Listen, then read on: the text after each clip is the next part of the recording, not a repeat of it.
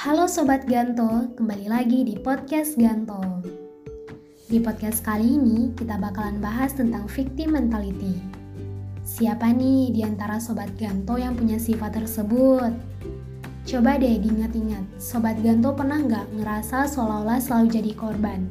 Jika ada masalah selalu merasa paling tersakiti, selalu merasa paling lemah, dan ujung-ujungnya bilang kalau dunia ini nggak adil. Jika Sobat Gantung ngerasa punya perasaan kayak gitu, coba deh mulai sekarang berubah.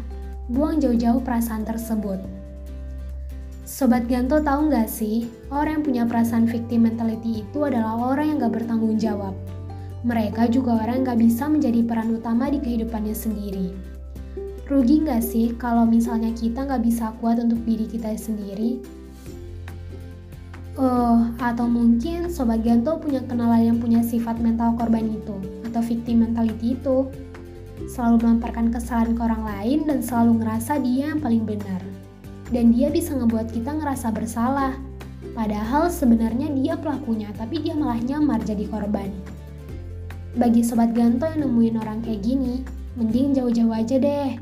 Percuma aja gitu ngadepin orang kayak gini karena di matanya selalu kita aja yang salah dan dia selalu jadi korban. Nah, jadi intinya buat Sobat Ganto, jauh-jauh deh sama yang namanya victim mentality. Ayo jadi kuat untuk diri sendiri. Sekian podcast kali ini, sampai bertemu di podcast-podcast selanjutnya.